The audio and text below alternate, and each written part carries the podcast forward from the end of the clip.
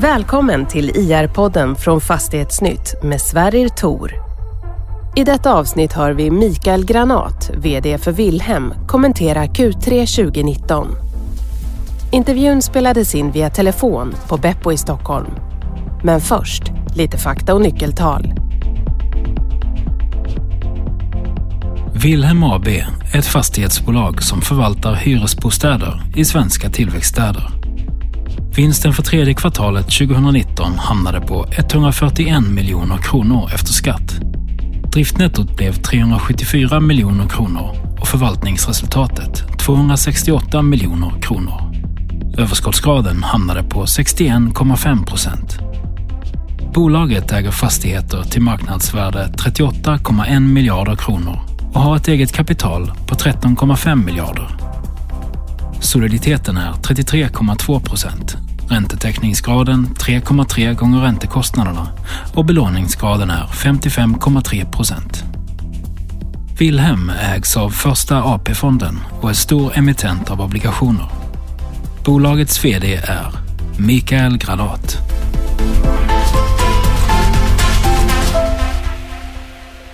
Hej Mikael och välkommen till IE-podden. Kul att vara här. Ja, kul att ha dig med än en gång. Nu är allt bra? Det är jättebra tycker jag. Mm. Trots att det är november som är en ganska tråkig månad. Men eh, Ja, annars är det bra. precis. Det är trist, grått och trist. Ja, mörkare och mörkare. Ja, precis, precis. Men det, det är ljust. Det är ljust för Wilhelm. Det är absolut just för Wilhelm. Och Mm. eh, inte bara för Wilhelm utan för eh, fastighetsmarknaden generellt tror jag. Ja, precis, precis. Du är nöjd med rapporten antar jag? Ja, det går, det, det går ju i linje med tidigare rapporter i år och eh, de har ju varit positiva så att, eh, och trenden fortsätter. Så, så vi tycker det ser bra ut. Mm. Eh, Det är inte många siffror. Jag, jag försökte liksom läsa det här med, med förstoringsglas och försökte hitta någonting och uh, eh, hooka dig på. Men det var inte mycket. Men det var en sak dock som jag reagerade på. Att värdeförändringen på, på beståndet är ju lägre på kvartalet. Nu är det bara kvartalsiffran vi pratar om. Än vad Ja. den var i fjol. Är det någonting? Är det bara liksom att börjar ni få slut på, på objekt att renovera eller? Nej, det tror jag inte. Tillfällighet? Jag tror, jag tror att det kan vara en tillfällighet. Det kan också möjligen hänga ihop med att eh, eh, jag tror att eh, en del av värdeökningen i kvartal tre förra året kom som... Alltså vi har haft en ganska stark inledning på årets värdeökningar vilket hänger Mm. ihop med hyggliga, eh, kan man säga, intäktsökningar som Mm. jag tror har varit lite starkare i år än föregående år. Jag har inte kollat det, men jag tror det. Okej. Då får man kanske en effekt. Alltså det, det slätas ut lite mer över året då kan man säga. Det är mer av tillfällig karaktär skulle jag vilja beskriva det som. Okej, okej. För det, när man tittar på året i helhet så är det ju bättre än i fjol. Det har fördelats annorlunda under det här året vilket hänger ihop med att vi har haft en starkare intäktsökning i början av året än vad vi, jag tror vi hade motsvarande period eh, förra Mm. året. Då. Mm. Jag förstår, då var det avklarat. Eh, Ja. I övrigt så ser ju allting ut som det ska när man tittar på rapporten. Men jag tänkte vi skulle fokusera rätt mycket på, på marknaden. Som du sa, det är bra.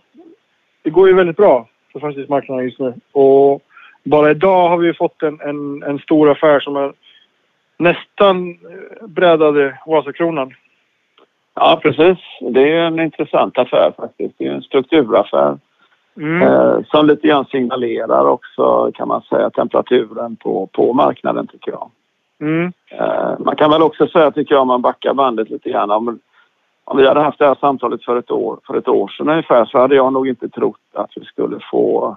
Då hade jag nog varit mycket mer, mer försiktig med bedömning när det gäller ränteutvecklingen till exempel. Och den har ju blivit... Ja, då hade jag nog sagt att räntorna kommer nog att gå upp. I vart fall lite grann. Och i år har de ju gått ner. Mm. Eh, och det är klart för fastighetsmarknaden betyder det ju enormt mycket. Så att eh, det gör ju att liksom intresset för investeringar i fastigheter är, har egentligen ökat under året skulle man nästan kunna säga. Ja, precis. Det här är ju en, en affär också som är i, i ert segment. Det är liksom SBB är ett bolag som har, eh, så har ju samma profil som Wilhelm. När, Ja. ni, när ni väl kommer igång med samhällsfastigheter skulle jag säga. Men, Ja, det har vi, det har vi, det har vi, det har vi faktiskt det jobbar vi inte särskilt praktiskt med faktiskt. Att, eh, nej, nej. Och det har du ju sagt att Ja, ja. Det Men vår, idé är ju, vår idé är ju hyresrätterna. Det är, ja. det är vårt huvudfokus. Mm. Och där ser vi ju den andra stora strukturaffären ju. Det är ju Hembla och, och Victoria Park som kom i fjol. Och du, du nämner ju just det här i, i ditt vd-ord. Det här stora internationella intresset för, för hyresrätter. Ser du att det kommer fortsätta? Ja, jag, jag tror ju att det kommer att fortsätta eh, givet att vi har en ränteutveckling eller en kan man säga en eh, situation på kapitalmarknaden som, som är som den är nu. Alltså där pengar mm. är väldigt billiga. Alltså finns det en sak till då, det är ju att kronkursen eh, spelar ju liksom utländska investerare i händerna då om man är intresserad av Sverige. Mm, eh, mm. För så svag som kronan har varit i år, den jag kan inte ens påminna mig liksom när det har varit så tidigare. Nej, precis. Så det blir ju liksom rea på Sverige kan man säga om man är intresserad av Sverige. Det där var en jättebra rubrik, Mikael. Rea på Sverige. ja, var det en bra rubrik? Nej, men det blir om du tänker själv och bara funderar på köpkraft utomlands och sådär. Det blir ju omvänt för utlänningarna. Mm. Mm. Givet att man kommer från en valuta som är, som är hyggligt stark. Mm. Mm. Precis, och det är ju både, både euron och dollarn. Och, och, ja. Men hur, hur, ser det ut på hyresrättsmarknaden? För det är ju... Nu är ju Hembla och, och Victoria Park är två stora pjäser. Sen finns det ju Wilhelm. Ja. Det finns eh, Rikshem, Heimstaden. Absolut. Eh, Stena. Sen är det inte så mycket mer som skulle kunna vara liksom intressant för, för sådana här stora spelare. De har, de har ungefär samma problem som när vi startade Wilhelm. Alltså, vi visste ju inte riktigt vad vi skulle starta med. Och, mm. och, och det är ganska svårt att mejsla ut större fastighetsbestånd som innehåller hyresrätter i Sverige. För de mm. ligger på ganska få händer. Och då har ju Hemla lyckats eh, liksom, att plocka upp dem som, ja, där det har funnits säljsignaler då. Mm. Mm. Uh, och det kommer de fortsätta försöka göra tror jag. Mm. Mm tror att vi kommer få se fler sådana här alltså, ska säga, strukturer som bildas antingen ur, ur allmännyttor eller hur, hur, ser det ut? Alltså, det pratas ju om att kommunerna behöver pengar. Finns det några allmännyttiga bestånd som är ute till salu som du känner till? Jag tycker att det är ett ganska litet utbud av allmännyttiga bestånd. Eh, mm. Uh, vi har väl tittat på något uh, men alltså det är väldigt, och det är inte alls de volymerna då. Mm. Men, men en sån spelare som Hembla kan ju strukturera om hela det kommunala beståndet. Mm. Eller förlåt, mm. Eh, Vonovia menar jag. Mm. Om, om de har den ambitionen. Men det är ju en ganska svår övning alltså politiskt och sådär. Men, men kraften finns ju hos en sån eh, investerare. Mm. Alltså, om, du tänker så, om du tänker så här, nu har de, jag vet inte om de har 40 000 lägenheter eller någonting i Victoria Park och Hembla. Mm. Säg att de skulle vilja ha 100 000. Mm. Ja, då, då, måste de ju hitta rätt stora enheter. Mm. Eh, och då kan ju liksom kommunala bestånd i storstäderna till exempel kunna vara intressanta. Men, men det är en ganska svår övning att genomföra. Mm. Mm. Dels är det som du säger, dels är det, man har ju redan den här debatten om, om att, att, ja som du säger, Sverige reser ut och, och, och renovräkningar och allt vad det heter. Ja. Eh, så det, det är en svår, en, en svår nöt att knäcka så att säga. Men hur... Om, om till exempel... Eh, är det här någonting som till exempel Wilhelm skulle kunna ägna sig åt också? Sådär lite att, att, att strukturera om marknaden. För du nämnde ju Vonovia, men Wilhelm är också ganska stort. Jo, vi är, men du vet, Bonovia är väl ungefär, jag vet inte, minst tio gånger större än oss. Eh, mm. Så det är klart det är helt annat kraftfält. Mm. Men, men, men det är klart att vi är ju en sån som skulle kunna engagera oss i en strukturomvandling. Det, det är vi. Mm. Absolut. Mm. mm. Det är, det är intressant. Men om, vi, men, om vi, men om vi ska göra det eller inte, det kan jag inte kommentera. Men, men det är ju absolut någon som skulle kunna göra det. Mm. Och det är väl en ägarfråga också? det är absolut en ägarfråga. Mm. Det är inte bara en fråga för mig. Nej, precis. precis. Men, men om du tittar på, på den kringmarknaden. Man, man pratar ju ofta om, om olika segment som att de vore öar, men så är det ju givetvis inte. Det är liksom allting äh, finns det ett sammanhang i. Eh, vad, vad liksom, du ser inga svaghetstecken på fastighetsmarknaden? rent generellt? Nej, alltså man, man kan om, du, om, om, man tänker på det segmentet som vi jobbar i då med, med hyresrätter på den svenska bostadsmarknaden så uppfattar jag att intresset är jättestort för att förvärva den typen av fastigheter.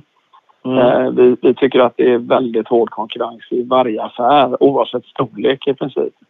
Mm. Så att, eh, och det intresset hänger ihop med ränteutveckling och hur det ser ut i Sverige på bostadsmarknaden och så.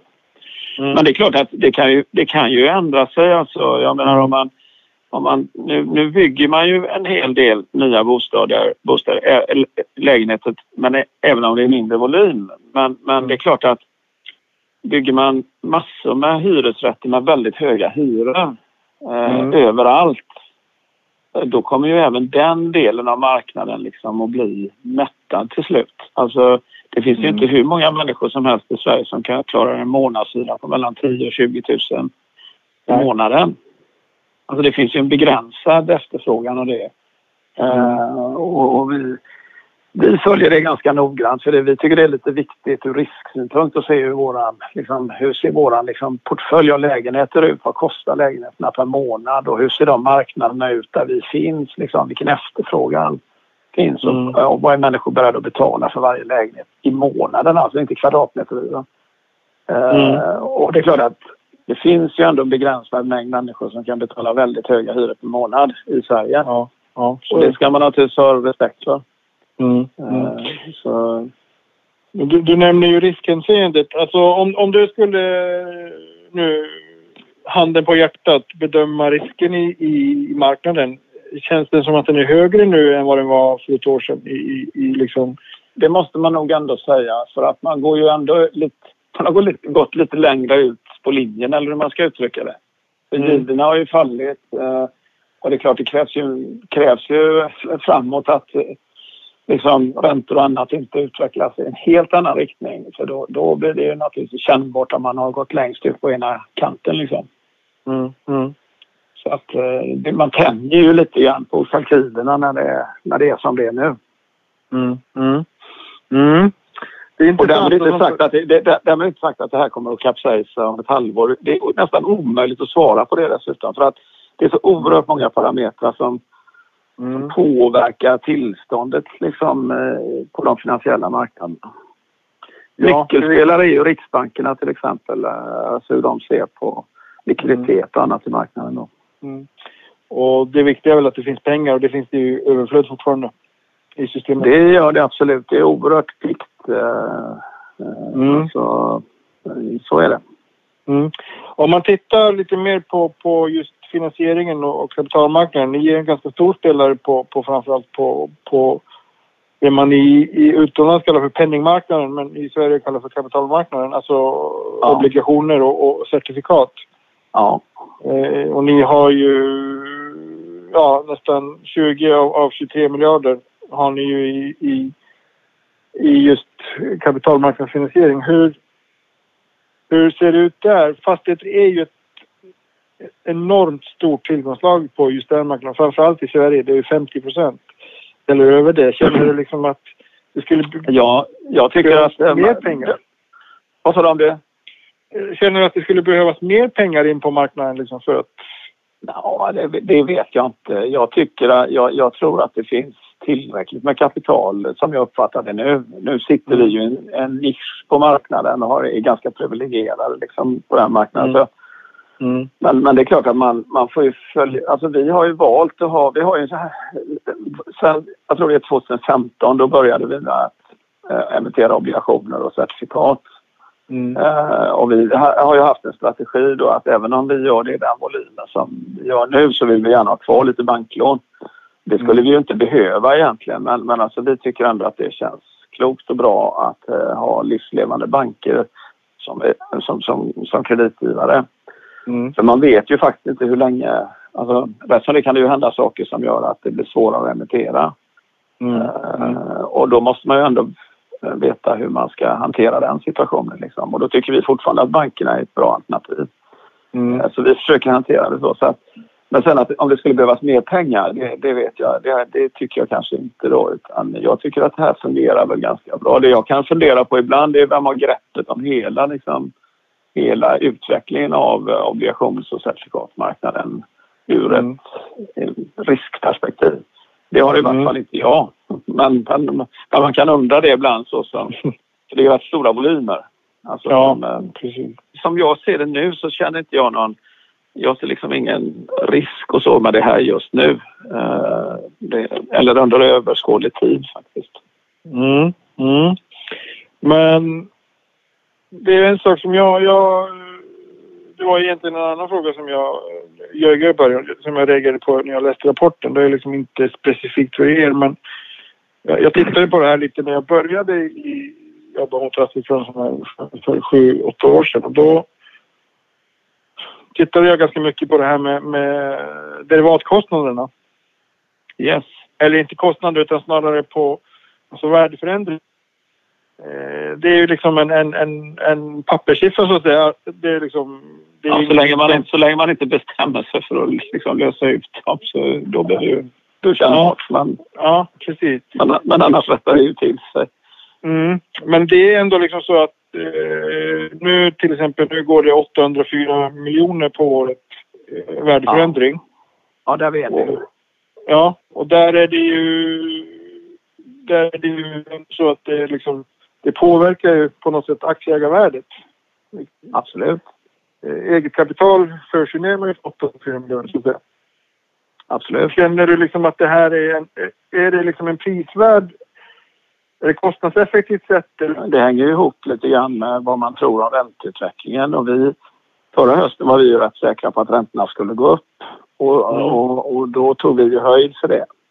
Mm. Eh, och sen har ju räntorna gått ner. Så det är klart att eh, just nu ser det ju dumt ut. Sam, Mm. Samtidigt är det så att alltså till de villkor som vi ingår de här derivaten, de, det, det är ju rätt förmånligt om man tänker ur ett längre perspektiv, alltså relativt billigt. Mm. Men just nu så, så, så känns det ju lite fel då. Eh, Men vi har ju valt den strategin och det är heller ingen fråga som... Det är en fråga vi diskuterar med ägare och styrelse, alltså hur vi ska förhålla oss till det. Mm. Mm. det, det, det är ett medvetet val, alltså vi tycker att det är värt det. Okej, okej. Ser du liksom någon form av eh, svarta svanar höll jag på att säga, men det, det är svårt att, de är svåra att se för de kommer. Men, hade men, jag sett dem då hade jag ju agerat på något sätt. Men jag, jag, jag, det är ju nästan aldrig någon som ser dem förrän det är för sent. nej, precis. Om du skulle göra lite sån här utåtperspektiv, vad, vad är, vilka är de stora liksom? Är det fortfarande herren som sitter i Vita huset som är den stora osäkerhetsfaktorn i branschen? Uh, jag vet inte. Jag, jag tycker liksom att alltså reaktionerna på allt som han hittar på det är ju precis Mm. som marknaden har vant sig lite grann vid de här sakerna. Så att det följer ju ett visst mönster.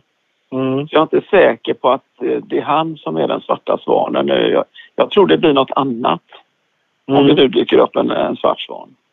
Ja, precis. Eh, Något, något som man absolut inte... Ja, som blir väldigt överraskande för hela systemet. Mm. Men jag kan Mm. inte lista ut vad det är. Jag har Nej. försökt. ja, precis. Det känns ju som att systemet blir ju mer och mer avtrubbat på något sätt. Ja, det är väl en fara i det då. Alltså det som är onormalt, när det onormala blir helt normalt, Ja. eh, då, då, då ja, ökar väl risken skulle man kunna säga då. Och kan till och med det normala bli en svart svan. Ja, det kan det bli. Mm. Mm. Det kan det bli. Mikael, jag brukar ställa dig frågan eh, om det är någonting sådär i, i eget bolag som du tycker att det här måste vi titta på mer nu och åtgärda. Är det någonting som vi har glömt att nämna idag? Nej, det tycker jag inte. Alltså, vi har en verksamhet som går eh, utifrån förutsättningarna väldigt bra. Eh, vi tittar ju hela tiden på saker som vi kan göra bättre. Eh, så det ingår liksom i nästan den dagliga verksamheten om man tänker ur ett riskperspektiv. Mm. Eh, Mm. Så just, just i år måste jag säga att jag tror aldrig verksamheten har gått så bra som den gör i år faktiskt. Okej, okej. eh, det är svårt. Det är klart att jag kan hitta saker. Det där borde vi ha gjort bättre. Men det är ändå på...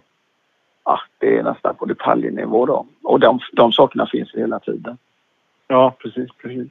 Och det är ju ändå på, på något sätt ditt jobb har varit som är, som är tråkig när de andra har kul. Ja, det, lite så är det ju faktiskt. Det är ganska jobbigt att vara det också. Så att, mm, mm. Precis. Men du, eh, vi börjar närma oss slutet. Men jag har den här eviga frågan som alla får med, med, med julen. Med julen? Ja, det är grottet sa vi tidigare. Den börjar närma sig. Vad har du några ja, den närmar Ja, alltså i år blir det väl en sån där... Det är väl en ganska vänlig ledighetsjul i år om jag har förstått det hela rätt. Så jag mm. kommer nog att...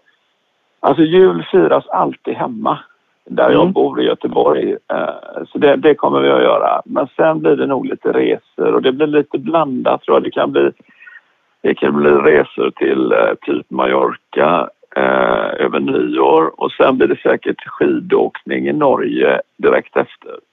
Okay. det är lite kontrastfyllt kan man säga. Man, man brukar det... säga det. Har man ena, ena handen i varmvatten och andra i kallt så har man i snitt bra. Så du kommer ha det bra i snitt med andra Ja, jag tror, jag tror det. Jag hoppas det. Härligt. Mikael, det här var faktiskt den sista podden den här säsongen. Oj! Jag tänkte jag ska tacka dig och ska tacka alla som har lyssnat. Det har varit en intensiv säsong. Det har varit många poddar. Kul. Ja, ja nej, det, det förstår jag. Nej, men det är kul att vara med. Kul att mm. orka hålla på. Ja, det är jätteroligt. Ja. Det är bland det roligaste. Ja, jag förstår det. Trevlig helg och så, så hörs vi. Ja, längre fram. ja detsamma. Ha det bra. Mm, tack ska du ha.